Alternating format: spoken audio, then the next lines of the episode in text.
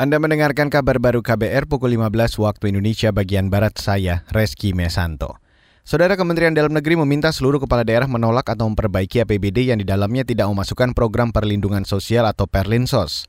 Menurut Menteri Dalam Negeri Tito Karnavian, dirinya berharap Perlinsos dari APBD yang tepat sasaran pasca kenaikan harga BBM bermanfaat bagi 120 juta rakyat yang akan menerimanya. Kalau nanti karena APBD-nya bisa jadi kalau sudah dievaluasi. Untuk tingkat kabupaten kota oleh provinsi, gubernur yang nge-approve. Makanya tolong rekan-rekan gubernur, kalau program-program perlindungan sosial tidak masuk di sana, lebih baik jangan di-approve. Suruh perbaiki lu APBD-nya. Jangan mengcopy paste APBD tahun-tahun sebelumnya, karena beda waktunya, beda tantangannya. Mendagri Tito Karnavian juga mengingatkan jajarannya akan mencermati pengajuan APBD provinsi termasuk tidak akan menyetujuinya jika tanpa adanya program perlindungan sosial.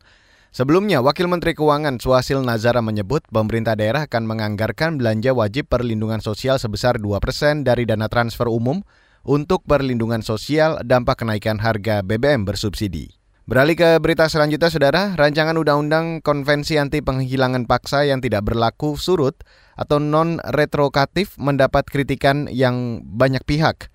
Bekas Jaksa Agung Marzuki Darusman menilai ketentuan non-retroaktif dalam RUU Konvensi Anti Penghilangan Paksa dinilai cukup berlebihan. Pertanyaan kami, Saudara Pimpinan, di manakah di dalam konvensi ini dikatakan bahwa konvensi ini menerapkan prinsip tidak berlaku surut? Retroaktif.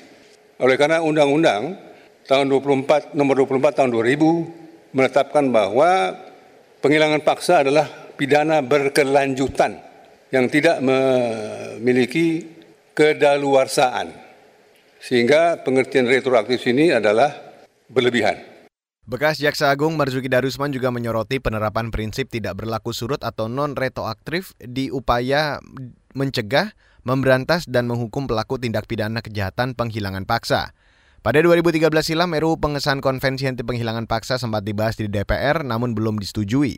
Kemudian, pada Oktober 2021, Presiden Joko Widodo mengirim surat agar pembahasan RUU pengesahan konvensi anti penghilangan paksa dimulai lagi dan dimasukkan ke program legislasi nasional sebagai RUU kumulatif terbuka. Saudara, malam nanti timnas U20 Indonesia akan menghadapi Timor Leste di babak kualifikasi Piala AFC U20 di Stadion Gelora Bung Tomo, Surabaya, Jawa Timur. Pelatih timnas Indonesia Sintayong optimis anak asuhnya mampu memenangkan laga. Sintayong menyebut pemain sudah mengalami perkembangan dan kemajuan yang baik. Sementara pelatih Timor Leste Gopal Krisnan Ramasami mengatakan, laga melawan Indonesia pasti sangat menarik dan seru. Pertandingannya juga akan syarat emosi dan Timor Leste siap menyuguhkan penampilan terbaik. Usai melawan Timor Leste, timnas Indonesia akan menghadapi Hong Kong Jumat mendatang dan pada Ahad nanti harus bertanding melawan tim unggulan Vietnam. Dan saudara, demikian kabar baru saya Reski Mesanto.